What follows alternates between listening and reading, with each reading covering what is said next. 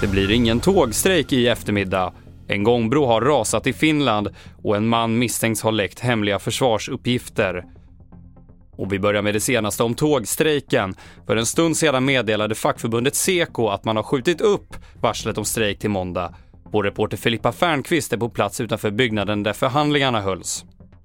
Här inne bakom mig, eh, där man sitter och förhandlar just nu, så har medlarna kommit fram till att det fortfarande finns utrymme att eh, förhandla vidare. Så därför så blir det inga, eh, inget strejk idag helt enkelt, i varken Stockholm eller någonstans i landet.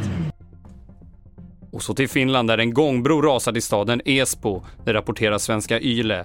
27 skolelever ska ha befunnit sig på bron när den rasade och de ska ha fått skador av olika slag och har förts till sjukhus. De flesta av skadorna ska vara benfrakturer, några elever ska vara allvarligt skadade. En man i 50-årsåldern har åtalats misstänkt för grov obehörig befattning med hemlig uppgift.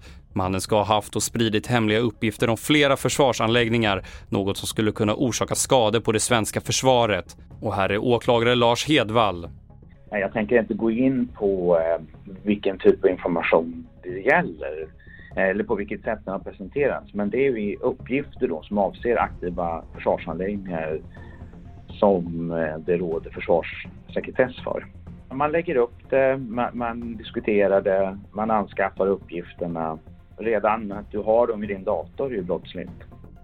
Och till sist kan vi berätta att trots det tuffa ekonomiska läget så är arbetslösheten i Sverige den lägsta på 14 år. Det visar nya siffror från Arbetsförmedlingen.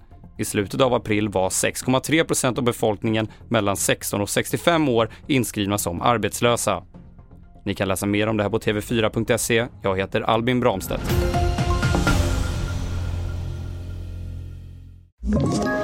Ett poddtips från Podplay.